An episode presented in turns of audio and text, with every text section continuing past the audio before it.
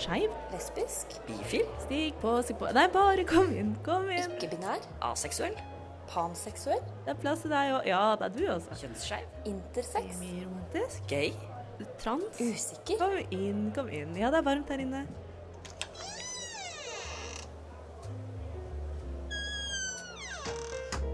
Her i lobbyen er det plass til alle sammen. Velkommen til lobbyen på Radio Nova. Ja, hjertelig velkommen til lobbyen på ja, Bamsescenen eh, i dag. Som vi også har vært de to forengående dagene. I dag så skal vi få lov til å snakke om skeiv aktivisme. Og vi har fått med ingen ringere enn lederen for Skeiv Ungdom, som heter Odd. Og vi skal ta en liten runde på deg veldig snart. Eh, først så skal vi ta en liten eh, introduksjon av eh, hvem vi er, så dere vet hvem som skal snakke med dere nå de kommende halvtimen. Jeg heter Chris. Jeg er 25 år gammel og er skeiv og kjønnsskeiv. Jeg bruker hen-pronomen, og jeg er fra Fredrikstad.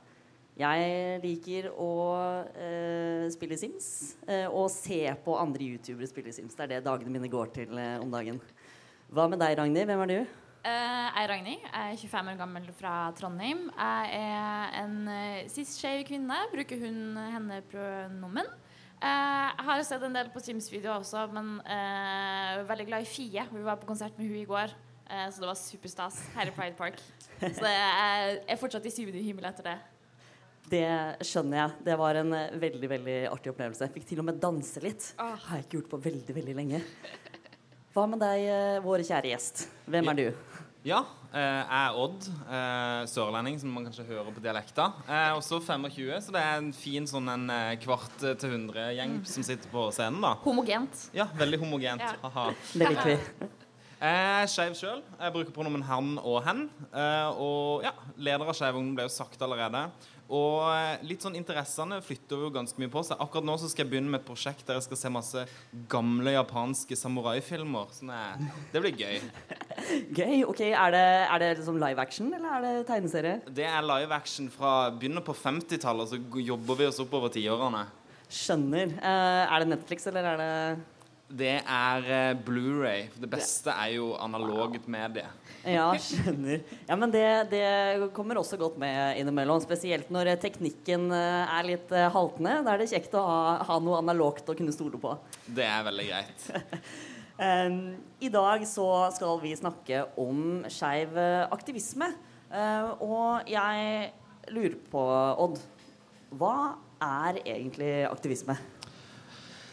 Aktivisme er eh, veldig mye. Det er alt fra å vaie et eh, flagg, ikke et plagg, eh, vaie et flagg i Pride-toget, til å henge opp et klistremerke over et sånn naziklistremerke på en lyktestolpe, til å skrive et sinna leserinnlegg, til å ja, egentlig bare gå ut og bry deg og gjøre noe enten for deg sjøl eller i, i samråd med andre. Gjerne så organisert eller uorganisert. Begge deler funker ganske bra. Og eh, hva tenker du da på som skeiv aktivisme? Skeiv aktivisme. Altså, vi lever jo i et heteronormativt, cis-normativt samfunn. Så alt som liksom eh, jobber for å bryte med det på en eller annen måte, enten det er så lite som å hive opp et klistremerke av en regnbue, til å, å eh, gå i fakkeltog fordi det er verdens aids-dag eh, liksom bare at man gjør noe for å markere at, eh, at det er noe mer enn bare et heteronormativt og cis-normativt samfunn. At man bryter liksom litt med det og jobber mot det. Og gjør det litt lettere å være skeiv i landet på en eller annen måte. Ikke sant?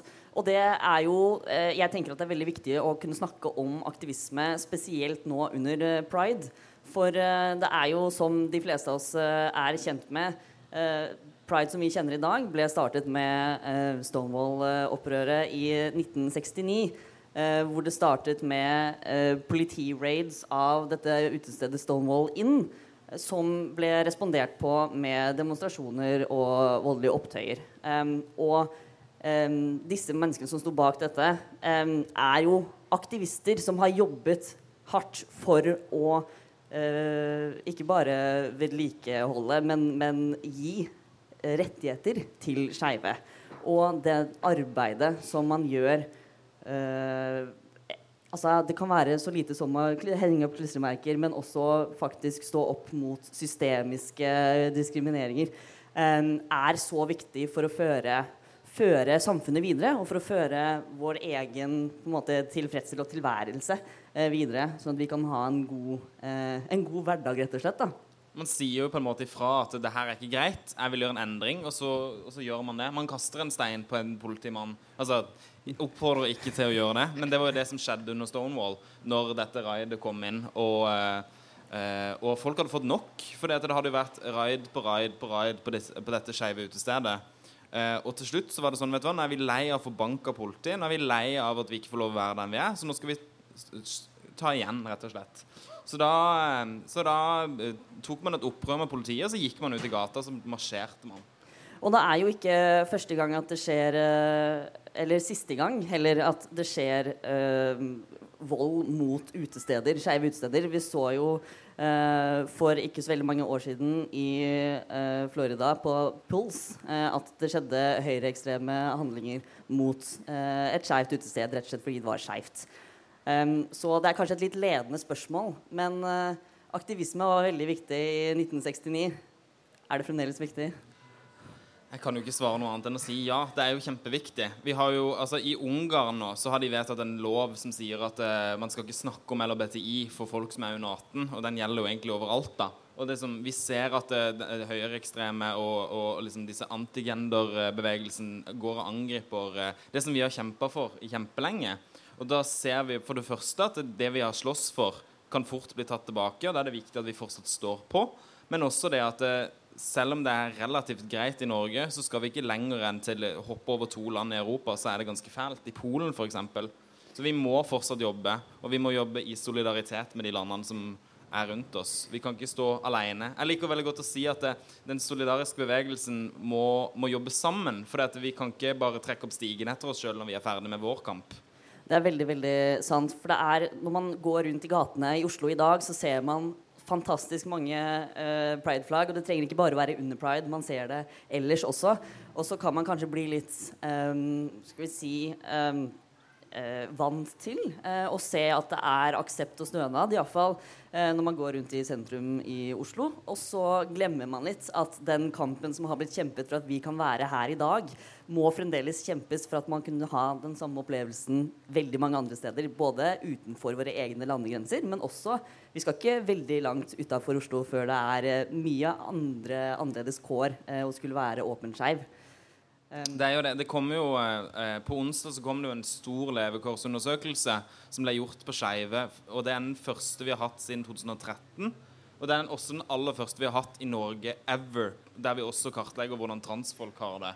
Og det er jo mye av den informasjonen som kommer fram der, er jo veldig nedslående. Den sier jo som f.eks. at én av tre transfolk har prøvd å ta sitt eget liv. Og det sier jo bare litt om hvordan at det, det er fortsatt ikke helt greit her, for å si det mildt, da. Det definitivt. Um, det er jo veldig, veldig kult at folk er så engasjert i aktivisme og, og kunne uh, virkelig bidra til å, til å bedre disse forholdene. Så jeg lurer på, hva var det som gjorde at du ble aktiv uh, og valgte å engasjere deg?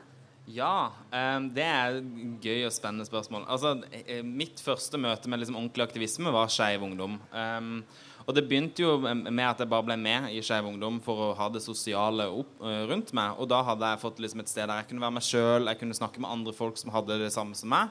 Eh, men så var vi sånn at eh, Men nå er det Og så kommer vi til høsten, og så er det sånn Men nå skal vi ha aksjon, så nå må du være med. Og da skulle vi gå Det var verdens aids-dag. 1. desember eh, 2013 eller 2014. Jeg husker ikke helt det. Det er en stund siden i hvert fall. Og da skulle vi marsjere gjennom da i Kristiansand, da, Markens gate, som er den lange gågata som går gjennom byen. Eh, med, med fakler for å liksom markere at verdens aids-dag var noe som, eh, som skulle markeres. Um, og da var det jeg tror det var 15 minusgrader. Vi var ti stykker med fakler, så vi så litt ut som en kult der vi gikk nedover eh, Markens gate. Men det var liksom første aktivismen jeg drev jeg liksom var med på. den akt, eh, liksom, Ikke første aktivisme, men første aksjonen jeg var med på. Og, var, og siden så har jeg bare fortsatt, rett og slett. Ja, Var det, uh, var det annerledes å gjøre det i Eller var, var det ditt første møte i Kristiansand, eller hadde du sett noe i Oslo eller andre steder først? Uh, nei, altså, jeg hadde ikke, sett så, hadde ikke vært så veldig mye i Oslo før jeg ble, kom, vært med i Skeiv Ungdom en del og reiste inn her på kurs og var med på landsmøter og sånne ting. da. eh, så mitt aller første møte liksom, med liksom, Skeiv Ungdom og aktivisme var verdens aids-dag. da. Ja. Fordi at priden hadde jeg ikke fått muligheten til å delta på det året. Ikke sant? Og for de som eh, ikke er helt sikre på hva Skeiv Ungdom egentlig holder på med, hva de er Ja, eh, Skeiv Ungdom er jo eh, eh, Det er en skeiv ungdomsorganisasjon. Så det er unge skeive folk. Eh, skal se hvor mange ganger jeg klarte å lure deg inn i en setning. Um, vi jobber for eh, Vi er for mangfold og mot diskriminering. Det er den korte delen. Men vi ønsker da at alle skal få lov å være seg sjøl uavhengig av hvem de er. Eh, og at ingen skal møte privilegier i samfunnet på bakgrunn av at de har riktig identitet eller riktig Ja. Sånn at eh, det er det vi gjør. Og vi mye sosialt som var det som traff meg inn. Men nå jobber vi også en del politisk, og mye med kunnskap. For kunnskap tror vi er noe av det viktigste vi kan gjøre for å gjøre det bedre å leve i dette landet. Er det da snakk om kunnskapsdeling til eh, altså liksom folkeopplysning, rett og slett? Ja, for vi har, eh, i Skeiv Ungdom har vi noe som heter Restart, som er et skoleprosjekt der vi går ut til hovedsakelig ungdomsskoler da, i hele landet og holder undervisning i normer, kjønn og seksualitet. Og får, den, får da klasserommene til å skjønne at det, eh, ja, eh, hvorfor har vi disse normene i samfunnet? Istedenfor at det, man sier det, og det er galt at en mann går i kjole, så spør vi hvorfor er det galt? Og så skjønner man jo da kanskje at det er jo ikke så galt likevel. Og så og så når vi går ut, så ønsker vi da at man skal være litt klokere, at man tenker litt ekstra når man ser noe som er annerledes. Jeg tror det som er veldig viktig, er å kunne utfordre de eh, tankene som man har eh, om hvordan ting fungerer. Kanskje man har lært det fra foreldre, eller man har hørt det eh, fra, fra, fra gjerne den eldre garde. Jeg skal ikke være altfor eh, eh, negativ mot den eldre guide. men det er mange tanker som henger igjen da, av litt mer konservative tanker, og det kan lett smitte over på de yngre. Eh, og så fort den eh, den tanken kan bli utfordret da, eh, med et godt argument på liksom Hei, men vi er alle mennesker, vi har alle vært like mye. Så eh, faller fort argumentasjonen for, eh, for motsiden til LHBT-personer ned. Ja, og så er det jo det du sier også med det at eh, eldre folk er jo våre forbilder. Vi vokser jo opp med å se opp til foreldrene våre som regel, eller ser opp til besteforeldre, eller, eh, eller en kul kjendis, eller eh, en politiker, eller sånne ting. Og da er det også veldig viktig at vi får, i tillegg til at vi har disse forbildene som vi skal se opp til, så må vi også ha skeive forbilder. At vi må ha skeive folk som vi ser at Å ja. Eh, nå kommer jeg jo ikke på noen skeive forbilder. Ja, La oss si da at eh, Chris, da. Så da hører noen på den podkasten sånn Chris gjør det jævlig fett og er eh, skeiv. Det er dritfett. Da har jeg et forbilde. Og så kan vi lære noe av det, og ha noen man kan se opp til og liksom være på lag med. Hadde du et uh, skeivt forbilde da du eh, vokste opp? Um, det er eh, Jeg har hatt mange skeive forbilder opp gjennom tida. Og det, det flytter seg litt sånn. Jeg har jo fortsatt store skeive forbilder i dag. Um, Ingvild Ennestad har jo alltid vært liksom litt forbilde for meg, som var tidligere leder av FRI. Um, men så har vi også hatt uh, kjendiser som går opp gjennom tida, og, og aktivister. Uh, når jeg lærte om Martha P. Johnson, eksempel, så var jo det sånn Oi, shit. Tenk at hun klarte det. Det har jeg det er noe å strekke seg etter. Og så sier jeg ikke at jeg skal bli neste Martha P. Johnson, for det går jo ikke. Men da har jeg noe å liksom se opp til, og det er veldig viktig. At det ikke er så mørkt. Så for de som ikke vet det, så er jo Martha P. Johnson en av disse frontpersonene eh, fra Stonewall i 1969 som vi var så kjapt innom eh, i stad. Eh, hva med deg, Ragnhild? Har du noen skeive forbilder som har eh, vært med på å påvirke deg? Um, jeg, tror ikke, jeg tror ikke jeg hadde noen skeive forbilder da jeg var yngre, i hvert fall. Um, for det var Nei.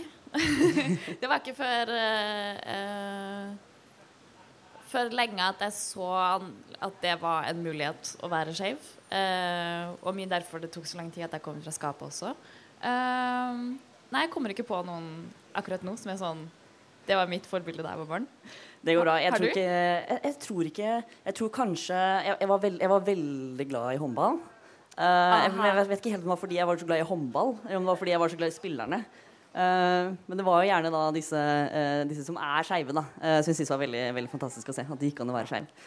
Um, det, men det var jo først i, i, senere tid hvor jeg har sett viktigheten av det å være en skeiv som kan bruke sin stemme til å snakke opp om eh, sin egen situasjon og kunne opplyse andre gjennom bare å eksistere og, og snakke fritt. Og det er jo litt derfor vi også har denne podkasten og liker å invitere gjester som deg, Dad, for å kunne tilgjengeliggjøre det mer og vise flere sider av det å være skeiv. Det er kanskje ikke så veldig Jeg har liksom ikke sett på det som en veldig sterk form for aktivisme selv, men det er iallfall en uh, tilgjengeliggjøring og en mer synliggjøring. Og det tenker jeg er viktig også for å kunne normalisere og hjelpe de som sitter hjemme og er usikre. Det var jo Brita Møystad, som er et kjent navn i den skeive hadde jo en artikkel i går i Blikk, tror jeg det var, der hun snakka om at uh, det å være synlig skeiv er noe av det viktigste for henne. At uh, det at hun kunne være et forbilde for andre. sånn at når folk så henne, så var det sånn Fett! Hun er skeiv, da kan jeg også være skeiv. Bare det å være synlig er jo en form for aktivisme, rett og slett fordi at man er et forbilde for andre? Det er, eh, det er, kjempeviktig. For det er Uten å kunne se seg selv og se representasjon og kunne kjenne seg igjen Vi er jo mennesker som, eh, mennesker som, som, dyr speiler seg gjerne i andre. Og det å kunne se andre være som seg selv, gjør at du føler en viss tilhørighet. Og at du ser at det er en plass til deg selv. Eh, så det ser jeg på som eh, veldig bra. Veldig viktig arbeid. Eh, og eh, dere i Skeiv Ungdom har jo hatt noen kampanjer på å eh, synliggjøre eh, viktigheten av å f.eks. være seg selv. Så dere hadde en kampanje som het 'La meg være meg'. Det stemmer. Nå ser det ut som jeg kler av meg, men det er bare fordi jeg har på meg kampanjeskjorta her. Um, men ja, 'La meg være meg' var en kampanje vi kjørte i fjor uh, på konverteringsterapi. Uh, og for, også gjerne kalt for homoterapi. da Det at man skal kunne endre seksualiteten eller kjønnsidentiteten til folk til det som er riktig. Uh, og en av de største kritikkene der er jo det at med utgangspunkt i det, så er det jo da bare én ting som er riktig, og det er at du skal være heterofil, og det er at du skal være cis. Um, så da, da, Og eh, det var jo veldig i vinden da i 2019, når eh, den Hegseth-dokumentaren kom på VGTV. Og det var oppe i Stortinget og skulle voteres over. Og da falt det jo. Og så sa regjeringspartiene at jo, men det kommer etter hvert, vi skal bare utrede litt. Og så sa daværende likestillingsminister Trine Skei Grande at det, det, kommer inn et år, det kan jeg love. Og så gikk det to måneder, og så ble det bytta ut likestillingsminister. Og vi har jo fortsatt ikke fått et forbud enda, og det er jo halvannet år siden. Um, så det er viktig å sette ord på ting og sette fokus på det også. For hvis ikke så bare glemmer vi det. Ja, og dette med at uh, politikere ikke nødvendigvis alltid holder det de lover, det er jo alltid noe som er litt uh, uh, skummelt, men det er realiteten. Um, og så hørte jeg at i går så kom det noen litt morsomme nyheter. Ja, for det, i går så sa nåværende likestillingsminister og rett og slett statsministeren også faktisk at vi får et forbud mot konverteringsterapi snart. Uh, og det er um, For det ble også lansert en handlingsplan i går. for sånn som det funker i staten vår nå, så har vi Gjerne hvis det er et tema som er viktig, så tar vi og lager en handlingsplan. For da har vi et dokument som vi kan bla gjennom, og så finner vi ut å ja, dette må vi gjøre, for det har vi et tiltak på. Tiltak er da disse tingene man skal gjøre. Men i den handlingsplanen som kom i går, så står det at man skal utrede muligheten for et konverteringsterapiforbud. Og det står at man skal innhente kunnskap. Så når, eh, når, statsministeren og likestillingsministeren sa at det kommer et forbud, så syns jeg jo at det er spennende at det ikke bare sto det i planen i første omgang. Um, så jeg gleder meg veldig til å se om det faktisk blir et forbud, eller om det bare er tomme ord som brukes i et valgløfte. Er du optimistisk på at det gjennomføres? Jeg har lyst til å være veldig optimistisk, for det er kjempeviktig. Vi ser jo det at folk blir ødelagt av konverteringsterapi, så vi må stoppe det asap. Uh, men jeg har jo også lyst til å være litt realist uh, og si at uh, jeg tror det kommer et forbud etter hvert, men jeg tviler på at det kommer så fort som vi får beskjed om at det kommer. da. Ikke sant. Det må vi nesten bare vente og se på, da, eventuelt. Eh, er det, hvor lang tid vil det ta før vi vet hvorvidt eh, det går gjennom? Vi vet at det regjeringa sa, var at det kom en høring. Uh, og Det vil si da at uh, man blir invitert fra organisasjonene, f.eks. Skeiv Ungdom, men også liksom alle som de, de tenker er relevant at kommenterer på dette, denne høringa, vil kunne sende inn forslag og så skal det være, gå gjennom der, og så må det gjennom systemet, og så må det opp til Stortinget etter hvert også. Og så er det jo også et valgår, så det kan jo være at eh, hele regjeringa faller, og det blir en helt ny regjering. Og da må du jo begynne det arbeidet på nytt, da. Ikke sant. Så dere i Skeiv Ungdom har jo Dere er vant med eh, å skulle, ta denne eh, kampen flere ganger om flere saker. Jeg lurer på Har du en, en favorittsak som dere har eh, bidratt til å få gjennom fra tidligere? Ja. Loven av 2016 for å endre juridisk kjønn uten å måtte gå gjennom tvangssterilisering er eh, min favorittsak. Fordi at den betydde så utrolig mye for så uh, Ikke så sinnssykt mange mennesker, men for de menneskene det, det betydde noe for, betydde det utrolig mye. At det at du må slippe å gå gjennom en tvangskastrering for å få lov å bli anerkjent for det kjønnet du har, da. Og så er det jo fortsatt et steg igjen å gå, for vi har jo enda ikke anerkjennelse for ikke-binære eller tredje juridisk kjønnskategori i dette landet. Men den loven betydde veldig mye for de av oss som uh, har et behov for å bytte kjønn uten å nødvendigvis gå gjennom behandling. Jeg er jo en av de av oss som eh, har byttet juridisk kjønn eh, etter at denne loven tredde i kraft. Så jeg er veldig veldig takknemlig for at det har gått gjennom. Eh, og det er jo da eh, pga. organisasjoner som Skeiv Ungdom, og vi har andre. Vi har eh, Skeiv Verden, vi har Salam, vi har SNU, vi har FRI, vi har PKI. Så vi har flere interesseorganisasjoner som jobber for skeives rettigheter. Eh, men eh, Skeiv Ungdom er en av de, eh, og dere gjør viktig arbeid som man faktisk liksom kjenner på da, som personlig. For det er jo ikke øh, snakk om så veldig lenge siden øh, ekteskap øh, ikke var lov heller, mellom likekjønnede. Så det er helt reelle situasjoner i våre egne liv som faktisk blir påvirket av det arbeidet dere gjør. da. Jeg tror jo det, det er veldig fint det du sier, jeg er helt enig. Og så tenker jeg også det at det er veldig spennende, spesielt med den skeive bevegelsen, for ting skjer så sinnssykt fort. Um, vi har hatt tre eller fire helt sinnssykt store uh, juridiske endringer i dette landet uh, i min levetid. Uh, det er bare 50 år siden det ble Eller til neste år er det 50 år siden vi fjerna loven som sa at det ikke var lov å ha menn kunne ikke ha lov å ha sex med menn, f.eks. Så i levetida som eksisterer nå, så er det folk som har liksom vært gjennom hele den endringa i, i det skeive livet. Ja, og under eh, Stonewall også, i, på 60-tallet, så var det jo ulovlig å vise homofil kjærlighet. Som i å leie hender og kysse. Og 60-tallet, det er da iallfall mine foreldre ble født. Så det er jo ikke så grusomt lenge siden. på en måte. Så det er fremdeles eh, noe som folk som lever i dag, definitivt husker, eh, husker som en realitet. Um, jeg lurer på For det er jo eh, Det er konverteringsterapi som er i vinden akkurat nå. Eh, men det er jo også flere saker som, eh, eh, som, som, som fokuseres på og holdes på. Og så lurer jeg på Er det noe du ønsker at Skeiv Ungdom skal jobbe med i framtiden? Er det noe som du tenker liksom Dette er noe vi burde dyppe tåa vår inn i?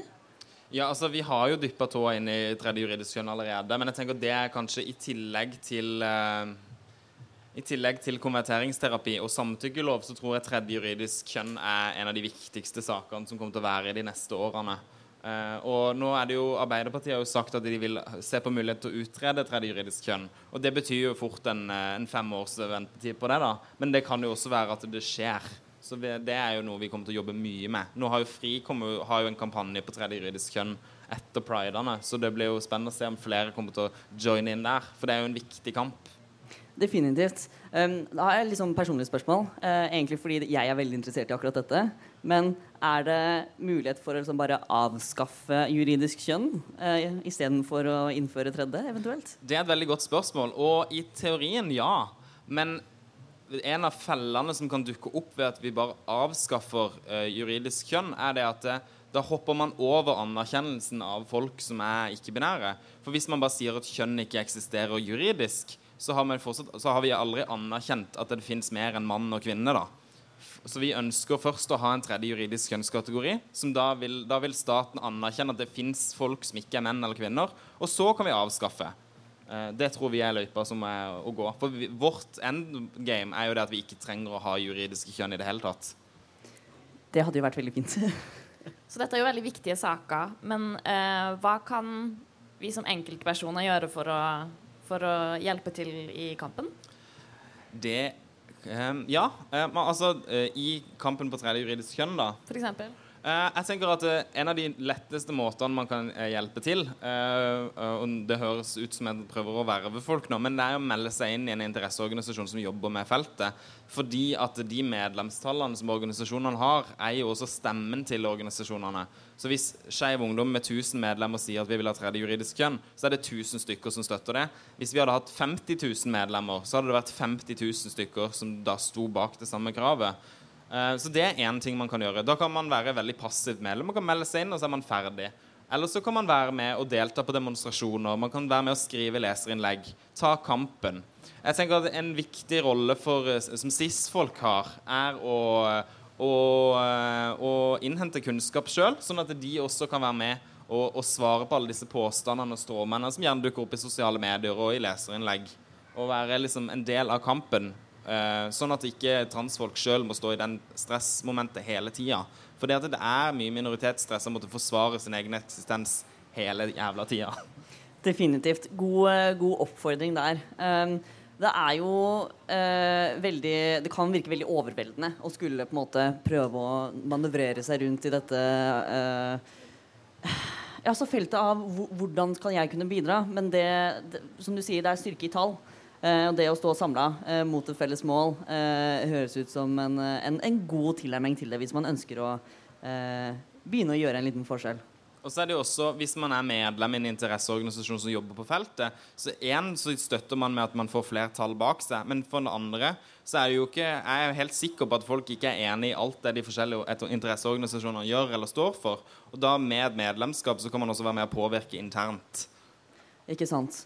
Em, så det er jo eh, Aktivisme er jo veldig veldig tett knyttet opp mot eh, politikk.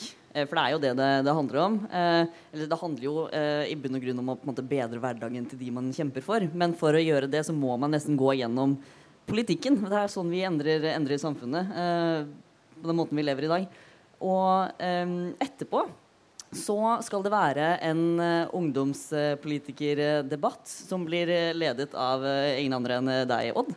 Og hva er det politikerne skal prate om da? De skal prate om ganske mye. Vi har laga en smørbrødliste av eh, ting de skal gjennom og måtte stå, til, stå og forsvare seg for. holdt på å si. Neida. Um, vi kommer til å spørre om eh, mye av de temaene som vi har snakka om i dag. Tredje juridisk kjønn, samtykkelov kommer vi til å nevne. Vi kommer til å snakke om em, om konverteringsterapi og hvordan behandlingstilbudet til transfolk kan bli bedre. For det er jo drit i dag, for å si det på den måten. Eh, vi kommer også til å snakke om, eh, om eh, hva, hva gjør egentlig ungdomspartiene internt i sine egne ungdomspartier og moderparti for å gjøre en endring. For én ting er å ha fin og flott politikk i partiprogrammene sine, en annen ting er å faktisk prioritere det. Ja, for hvordan eh, er din tolkning eller oppfatning av hvordan partiene eh, er på det, å holde valgløftene sine? Ja, altså, er, Det er jo et spennende spørsmål, fordi at eh, de, de skal jo prøve å samarbeide på tvers av partilinjer og sånne ting. Men jeg tror at eh, noen av partiene er nok bedre enn de andre til å, uh, til å, å prioritere den skeive kampen. da. Og det samme kan man jo si på alle de andre feltene. Um, men jeg, jeg tror at eh, eller, Det vi vet, er at ungdomspartiene har relativt god skeiv politikk over hele linja, men at moderpartiene henger noe etter. Heldigvis så er det jo de yngre politikerne som skal ta over moderpartiene etter hvert. Så forhåpentligvis så ser man en positiv eh, endring der. Ja, og så får vi bare håpe at den endringa kommer fortere heller enn seinere. Eh, fordi de som sitter i moderpartiet, må jo først bli ferdig med sitt løp. Eller så må de unge ta og kuppe ting. Så det, det er også en ting. Hvis man eh, liksom har et parti som man, man stemmer på og bryr seg om, men som man syns gjør en drittjobb, så kan man jo også melde seg inn der og prøve å gjøre endring på samme måte som i interesseorganisasjoner. da. Ja, for det er jo ikke sånn at man må være eh, helt enig med det partiet eller den organisasjonen man er en del av. Eh, man kan faktisk gjøre endringer fra innsiden. Um, og det, det anbefales hvis man har, eh, har litt ekstra gist i seg og har lyst til å faktisk eh, gjøre en eh, større, større systematisk forskjell. Jeg lurer på Hvis man har lyst til å finne ut hva man skal stemme på, og man har lyst til å stemme ut fra skeiv eh, politikk, hvordan er det man lett kan få en eh, oversikt over hva folk tenker og mener, utenom den eh, debatten som kommer etterpå? da? Ja, altså det, det kjedelige svaret her er å lese partiprogrammene til de forskjellige partiene, men det tar jo litt tid, kan man jo si. Um, så når, når valgtida nærmer seg, så ser jeg for meg også at flere interesseorganisasjoner kommer til å lage en kjapp oversikt, sånn at folk vet hva, hva er det de forskjellige partiene egentlig står for. Um, men uh, det er jo en antakelse heller enn en lovnad. Men det høres, uh, høres ut som det er lurt å lese seg litt opp. Rett og slett. Det er jo, det er jo en kunnskap som vi snakka om i stad. Altså, jo mer du vet, jo mer informativt valg kan man ta. Og så er det jo lurt å se på liksom, hvem er det som har bra skeiv politikk, som også støtter de tre andre punktene som er dritviktige for meg i politikken. For dette, som sagt, mange av partiene har god skeiv politikk, men kanskje du er helt uenig på, de, på miljøfeltet eller uh, uh, skattepolitikken til folk. Så da kan man liksom se her har vi det partiet som har bra skeiv politikk. De er drit på skatt, men de er kjempegode på miljø. Det er det en kanskje. Og så har vi det her partiet som har å ja, alle tre boksene checker. Da kan vi gå for det partiet. Det høres ut som en uh, god tilnærming til noe som ellers kan være litt uh, ullent og ikke nødvendigvis så veldig lett å få tak i. Vi nærmer oss slutten. Uh, jeg lurer på hva er dine planer videre for pride? Ja, altså nå er det jo ungdomspolitikerdebatt om en liten Nå skal ikke jeg gjette, for nå har jeg ikke klokka på meg, men om en liten stund i hvert fall. Så det blir jo det første startskuddet. Og så er det jo NRK-sending i kveld som kommer til å bli veldig spennende å følge med på. og se hva som uh, skjer der. Det er jo første gang NRK tar og, uh, og viser Pride på den måten her, så det blir veldig spennende. Det gleder jeg meg veldig til. Og jeg er veldig glad for at vi har en statskanal som prioriterer pride, som prioriterer å sende id-sending, og som gjør det, og ikke bare hører på liksom, majoriteten som er irritert. Det gleder vi oss masse til. Tusen takk for at du kom, Odd, og var med oss og snakka om skeiv aktivisme. Og eh, tusen takk for dere som har kommet eh, og uh, hørt på. Eh, Podkasten vår kommer ut eh, i løpet av sommeren, så det er bare å sjekke det ut hvis du har lyst til å høre igjen. Og hvor kan man finne deg, Odd, hvis man har lyst til å følge med på hva du gjør? Ja, altså um, Følg med på Skeiv Ungdom sine arenaer. Det er en fint sted å starte. Og hvis dere har uh, lyst til å aktivisere dere eller bli med, så kan dere også bare ta kontakt. Send en e-post, så, så svarer jeg så fort jeg får tid. Det er helt herlig. Takk for oss. Takk for oss.